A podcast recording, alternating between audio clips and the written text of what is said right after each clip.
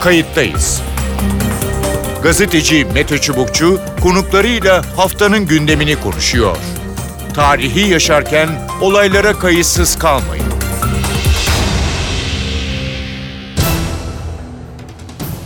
İyi günler bir kayıttayız programıyla daha karşınızdayız. Tarihe ışık tutmak ve olan biteni anlamak için önümüzdeki dakikalarda sizlerle birlikte olacağız.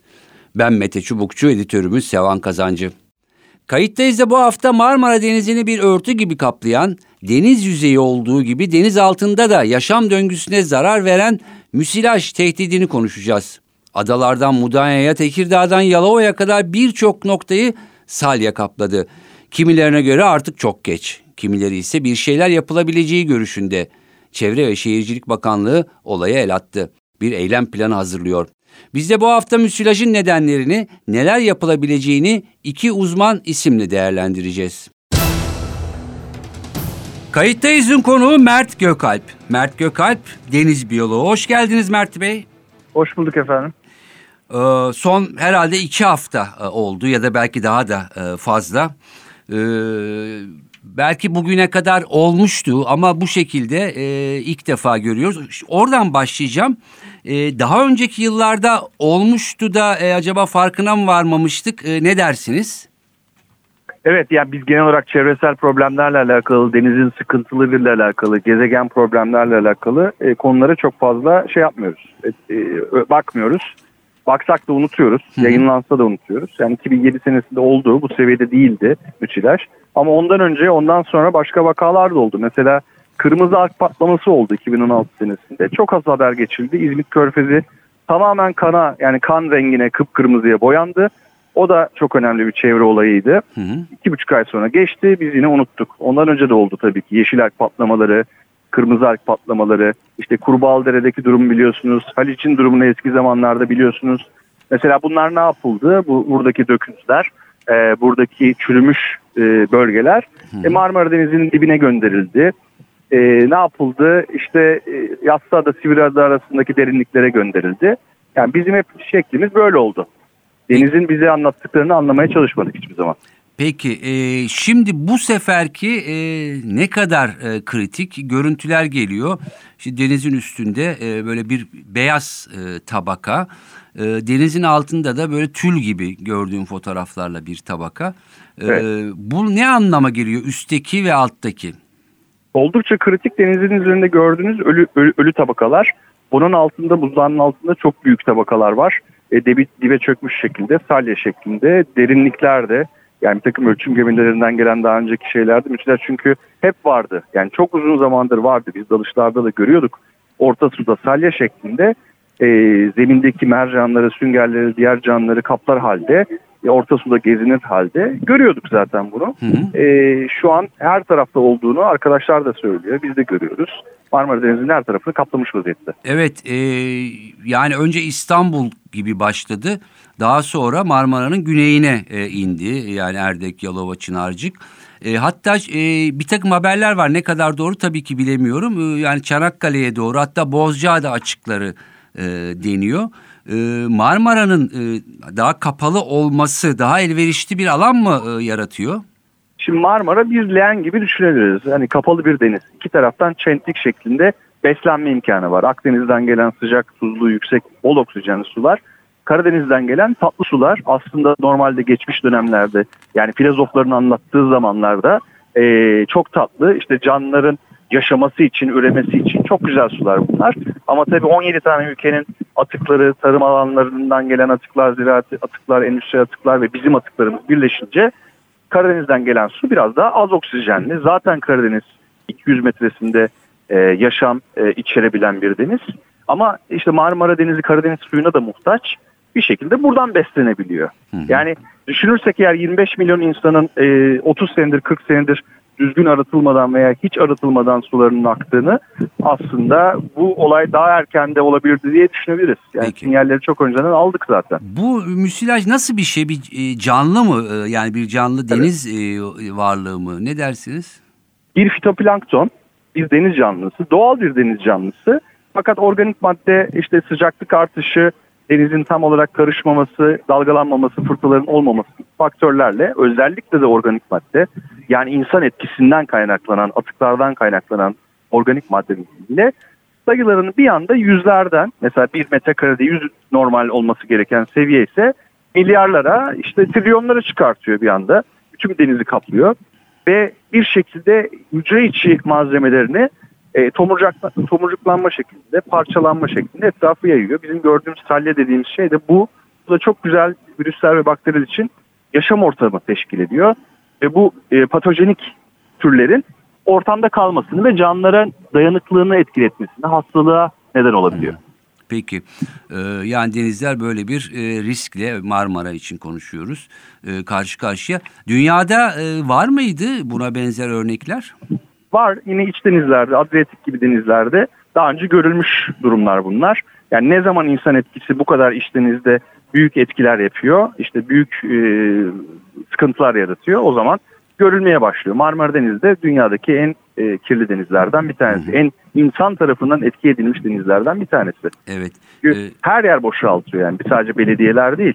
İşte termik santralinin soğutma sularından tutun, zirai atıkların atıklarına tutun. Yani o kadar çok girdi var ki organik madde girdisi, atık girdisi. Hı hı. Bunların hepsinin konuşulması gerekiyor. Evet yani Marmara Denizi bir anlamda e, ne denir e, bir e, yani çöplük muamelesi görmüş öyle mi diyelim hani Kesinlikle. en kaba şekliyle. Kesinlikle. Peki. Bize e, yaşam veriyor bize. Pardon sözünüzü kestim ama Buyurun. bize yaşam veriyor. İstiyoruz ki balık bollu olsun, bereket olsun binlerce senedir.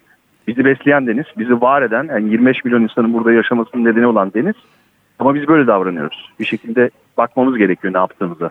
Evet yani deniz canlıları e, ve denizin kendisi çok e, derinden etkileniyor. Peki e, insan sağlığı ya ve şunu demek istiyorum işte önümüzde e, artık yaz deniz mevsimi E, ne dersiniz E, yani denize hani girebilir miyiz Marmara'da? Yani denize girmek veya balık e, avlayabilmek veya balık yiyebilmek noktasının ötesinde düşünmemiz gerekiyor. Eğer bu Marmara Denizi dediğimiz gibi bir önlem almaz ve daha da kötüleşirse bizim buradaki yaşamımız acaba olacak mı noktasına bakmamız gerekiyor.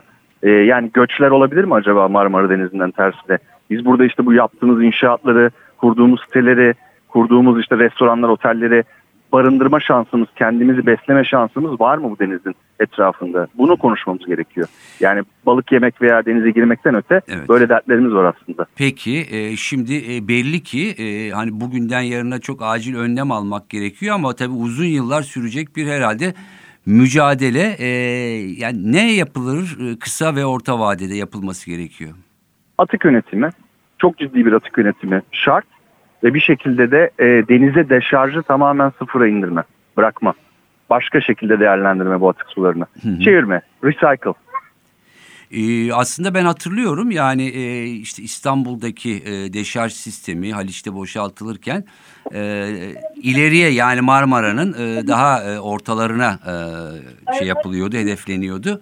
E, ve o zaman hani daha normal görülüyordu bu E, ama demek o kadar e, kirlilik yoktu herhalde değil mi? Yani o teknoloji varken bilmiyorum kaç yıl önce yapıldı bu İstanbul'un deşarj teknolojisi. Yani yanlış kararlar silsilesi diyebiliriz. Yani zarar çok büyük ama neresinden dönersek bir şekilde bizim için ve ekosistem için karar yani kar yani bir şekilde değiştirmemiz gerekiyor hızlıca. İvedilikle Hı hı, evet. hep beraber. Ve bunun içinde tabii hem merkezi yönetimler hem yerel yönetimler hem de e, bizler ve tabii ki e, sanayi, tarım yani topyekun bir şeyden e, bahsediyoruz. E, işimiz kolay değil gibi görünüyor. Peki. Değil maalesef. Mert Gökalp çok teşekkür ediyorum programımıza katıldığınız ve bizi aydınlattığınız için. Çok sağ olun. İyi günler. Kayıttayız'ın konuğu doçent Mustafa Yücel. Mustafa Yücel, ODTÜ Deniz Bilimleri Enstitüsü öğretim üyelerinden. Hoş geldiniz programımıza. Hoş bulduk Mete Bey. E, müsilajı e, bu deniz salyasını e, konuşacağız ama e, hemen sormak istiyorum. Çünkü e, bildiğim kadarıyla e, ODTÜ'nün e, bilim araştırma e, gemisi e, Marmara'ya açıldı.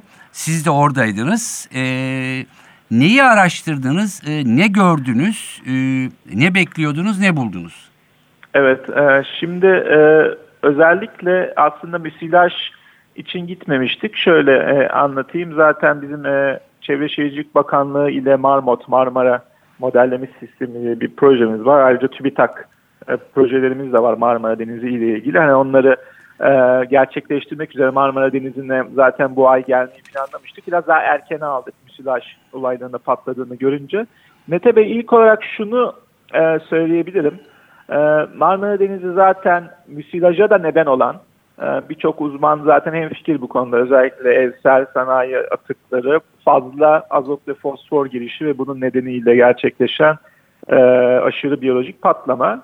E, müsilaj artık bunun son e, raddedeki bir görünür hali diyelim ama bu sorunun aslında başka daha belki daha da e, ciddi ve kalıcı bir sonucu var Marmara için. Oksijensizleşme. Biz bunu araştırıyoruz aslında. Bunu araştırmak için buradayız. E, maalesef özellikle müsilajın da bu yıl özellikle e, bu haftalarda Marmara'nın zaten az olan oksijeni daha da azalttığını bulduk. Bu ilk sonuçlar. Davetimize ediyoruz. Özellikle denizin ilk 30 metresi ki Marmara iki tabakalı bir denizdir. Hı hı. E, üstteki 30 metresi altındaki işte bin küsür metreden e, izoledir aslında. E, şu an ilk 30 metresi maalesef şu an hiç ölçmediğimiz yoğunlukta organik e, yüklerle kaplı. E, yani müsilaj görünür kısmı su yüzünde yüzüyor. Herkes onu görüyor. Ancak denizin içi de bununla kaplı. İlk bulgularımız bu yönde. Peki yani şunu mu demek istiyorsunuz? Yani o 30 metrede e, deniz canlısı ya da e, balık yaşamıyor mu?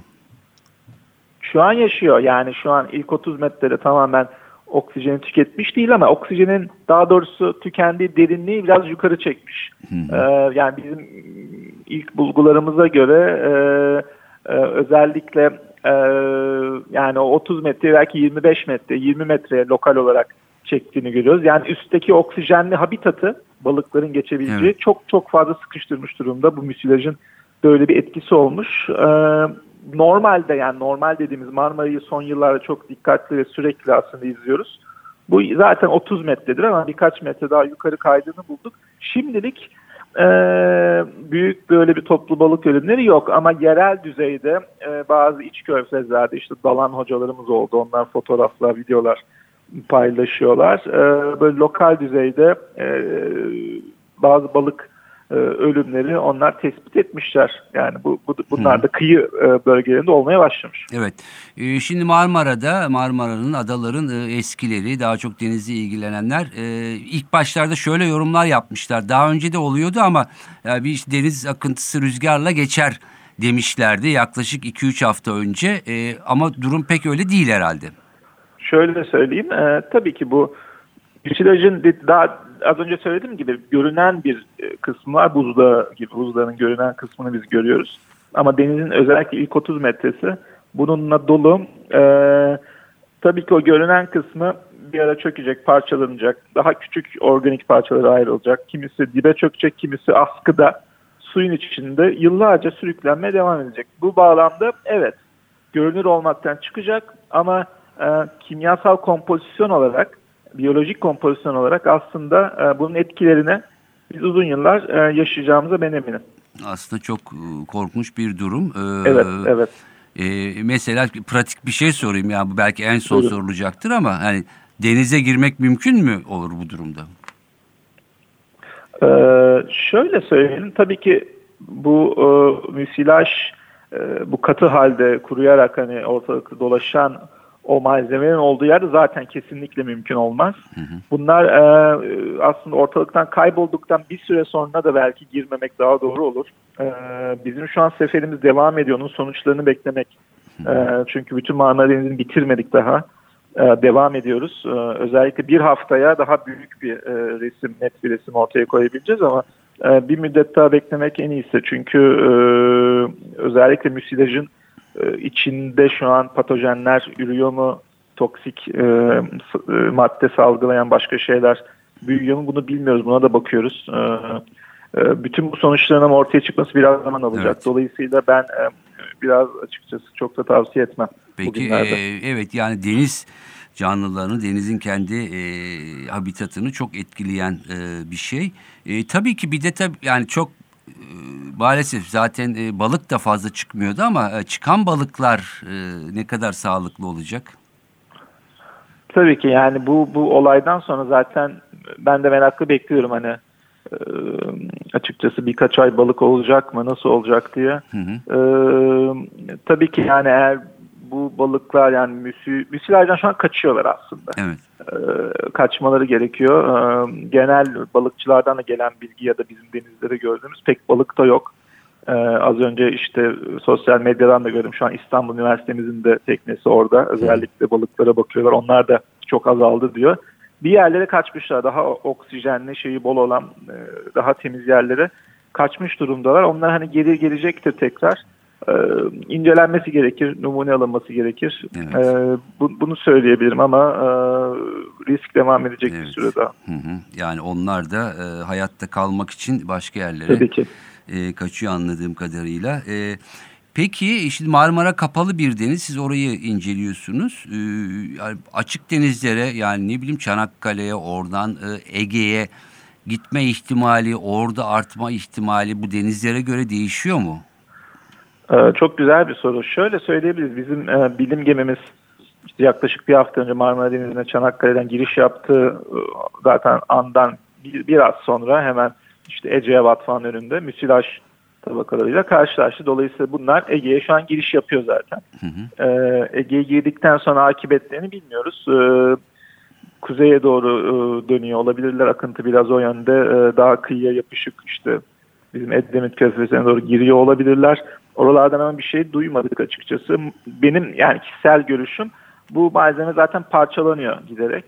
Ee, dağılıyor. Bir yere de gitmiyor ama hani belki e, seyrederek Ege Denizi içerisinde devam ediyor. Hani çok çok e, direkt bir risk şu an görmedik. Belki Bozcaada da gibi bir yere vurabilir. Hani öyle bir risk e, olabilir. E, dünya denizlerinde şöyle e, gerçekten güzel bir nokta bu. Çünkü müsilaja neden olan koşullar şu an özellikle e, Türkiye denizlerinde ve dünya denizlerinde de böyle Marmara tipi e, denizlere has bir şey. Nedir bu Marmara Denizi? Kapalı dediniz zaten.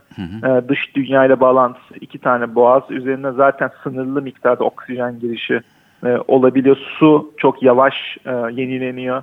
E, burada sürekli duran bir sudan bahsediyoruz ve siz bu suya sürekli yüklüyorsunuz. Besin e, tuzlarıyla fazla besin tuzları atıklarla yüklüyorsunuz. Sonuç bu oluyor. Bunu bir de tabii Marmara gibi e, denizlerin e, kendine özel bu iki tabakalı yapısına da ekleyince zaten bu deniz hassas. Zaten risk altında. Bu tip denizler evet e, müsilajı çok çok meyilli. Başka türlü zararlı algler de var. E, direkt toksik şeyler salgın işte kırmızı e, gel git denir, red tide denir İngilizce'de. Öyle şeyler de ara ara oluyor Marmara. Belki daha büyük boyutlarda bir de onlar olacak artık. Ama Marmara'nın bu bütün özel durumu buna çok çok elverişli. Baltık Denizi böyleydi bir zamanlar ama kurtarıldı orası büyük büyük e, bir koordinasyon ve şeyle e, çabayla. E, Marmara buna çok meyilli. Tabii açık denizler Akdeniz gibi daha az meyilli buna. Karadeniz de meyilli. Şu an görülmedi ama orası da kapalı bir deniz. Evet. Risk var. Peki. Ee, şimdi kısa vadede yani orta vade belki e, bilemiyorum hani e, konuşabiliyor muyuz şimdi. Kısa vadede nelerin yapılması gerekiyor? Şimdi bizim e, bu ilk bahsettiğim e, Çevre ve Şehircilik Bakanlığı ile yaptığımız proje tam da zaten bunu hedefliyor. E, bizden özellikle yani onlarla konuştuğumuz e, bu oksijensizleşme problemi zaten e, izlenen süre gelen e, bir gidişat var Marmara'da. Bunun da e, arka planındaki nedeninin müsilaja da e, kaynaklık eden bu fazla azot ve fosfor yükleri fazla organik e, yük ve biyolojik patlama olduğunu biliyoruz. Şimdi bunu gidermeye yönelik e, biz iki tane şey yapıyoruz. Bir e, e, çok detaylı bütün Marmara'yı ama en derin yeni metotlar, e, deniz bilim e, en yeni metotlarla e, ölçmeye, takip etmeye çalışıyoruz. Bütün bu verilerden de bir Marmara bütünleşik model sistemi dediğimiz, bütün Marmara sadece fiziğinin, su dolaşımının değil, kimyasını ve biyolojisini de simüle eden bir model geliştirdik. E, geliştirmeye de devam ediyoruz aslında. Bir versiyonu oluştu. Hı hı. Şimdi onu üç boyutla e, yapacağız. E, ve bu ilk modelimizin ilk e, haliyle de bazı simülasyonlar yap- yaparsak tekrar oksijen seviyeleri mesela makul bir hale gelir diye sorduk. Organik seviyeler makul bir hale gelir diye e, sorduk. Örneğin ö- en önemli bulgumuz şu açıkçası özellikle karasal kaynaklı evsel ve sanayi e, kaynaklı azot ve fosfor yüklerini yüzde 40 oranında hemen bir azaltmamız gerekiyor. Eğer sihirli bir değnek değer ve yarın diyelim ki bütün bu yükleri %40 oranında bu musluğu bir kısmış olursak bizim simülasyonlarımıza göre 6-8 yıl arası bu kriz, bu koma halinden bir çıkarabiliyoruz denize. Bir, bir deniz nefes alabiliyor. Tabii ki uzun yıllar bu politikaları sürdürmek gerek, ek önlemler de almak gerek ve e, bunların ardından da 10-12 yıl, 15 yıl gibi bir bantta balıkların artık sadece üstteki 25 metreye sıkışmış değil, 80-90 Evet. metreye en azından inebildiği e, maalesef Marmara'nın normali bu yani. E, bu olabilir.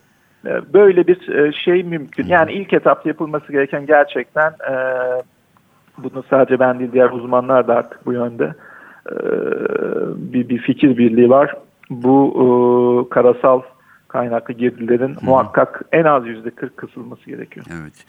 Yani şu da tabii ki çok ilginç. Ee, İşte sanayinin e, atığı, işte tarımdan e, gelen atıklar, e, evsel Aynen. atıklar.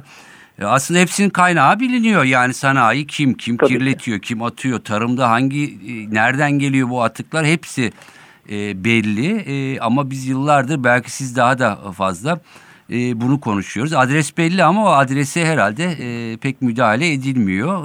E, İşte sonunda e, herhalde burada tıkandık kaldık değil mi?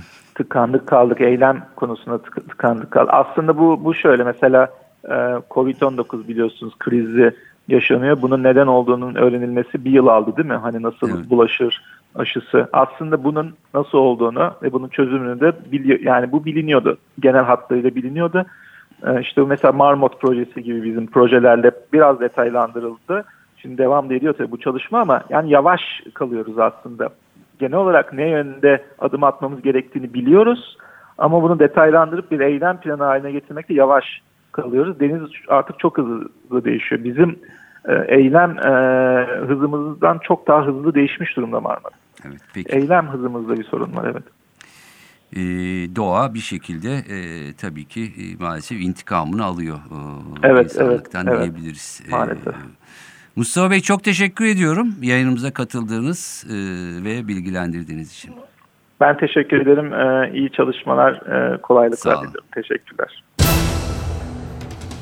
Evet uzmanların görüşü e, böyle maalesef e, durum hiç iç açıcı e, değil. Gerçekten çok çok acil e, önlemler alınması gerekiyor ve alınan önlemlerin e, projede, kağıtta, sözde kalmaması gerekiyor. Çünkü doğada sadece Marmara'daki olay değil genel olarak şöyle bir şey var. Bugün gerçekten yatırım yapmayıp, doğayı korumayıp e, bununla ilgili finansman ayırmadığımız takdirde daha ileriki yıllarda çok daha fazla zarar, çok daha fazla maddi ve doğal kayba uğruyor dünya bu e, tespit edilmiş e, durumda. E, bu nedenle kimse sanayi, kimse tarım, kimse e, işte doğal e, evsel atıkların adreslerin hepsi e, belli. E, dolayısıyla buralara e, yaptırım ve önlem e, gerekiyor vakit e, geçmiş gibi ama yine herhalde bir kurtulma, kurtarma imkanı da var. Ben Mete Çubukçu, editörümüz Sevan Kazancı. Kayıttayız'dan bu haftalık bu kadar. Önümüzdeki hafta farklı bir konu ve konuklarla birlikte olmak amacıyla hoşçakalın. Kayıttayız. Gazeteci Mete Çubukçu konuklarıyla haftanın gündemini konuşuyor. Tarihi yaşarken olaylara kayıtsız kalmayın.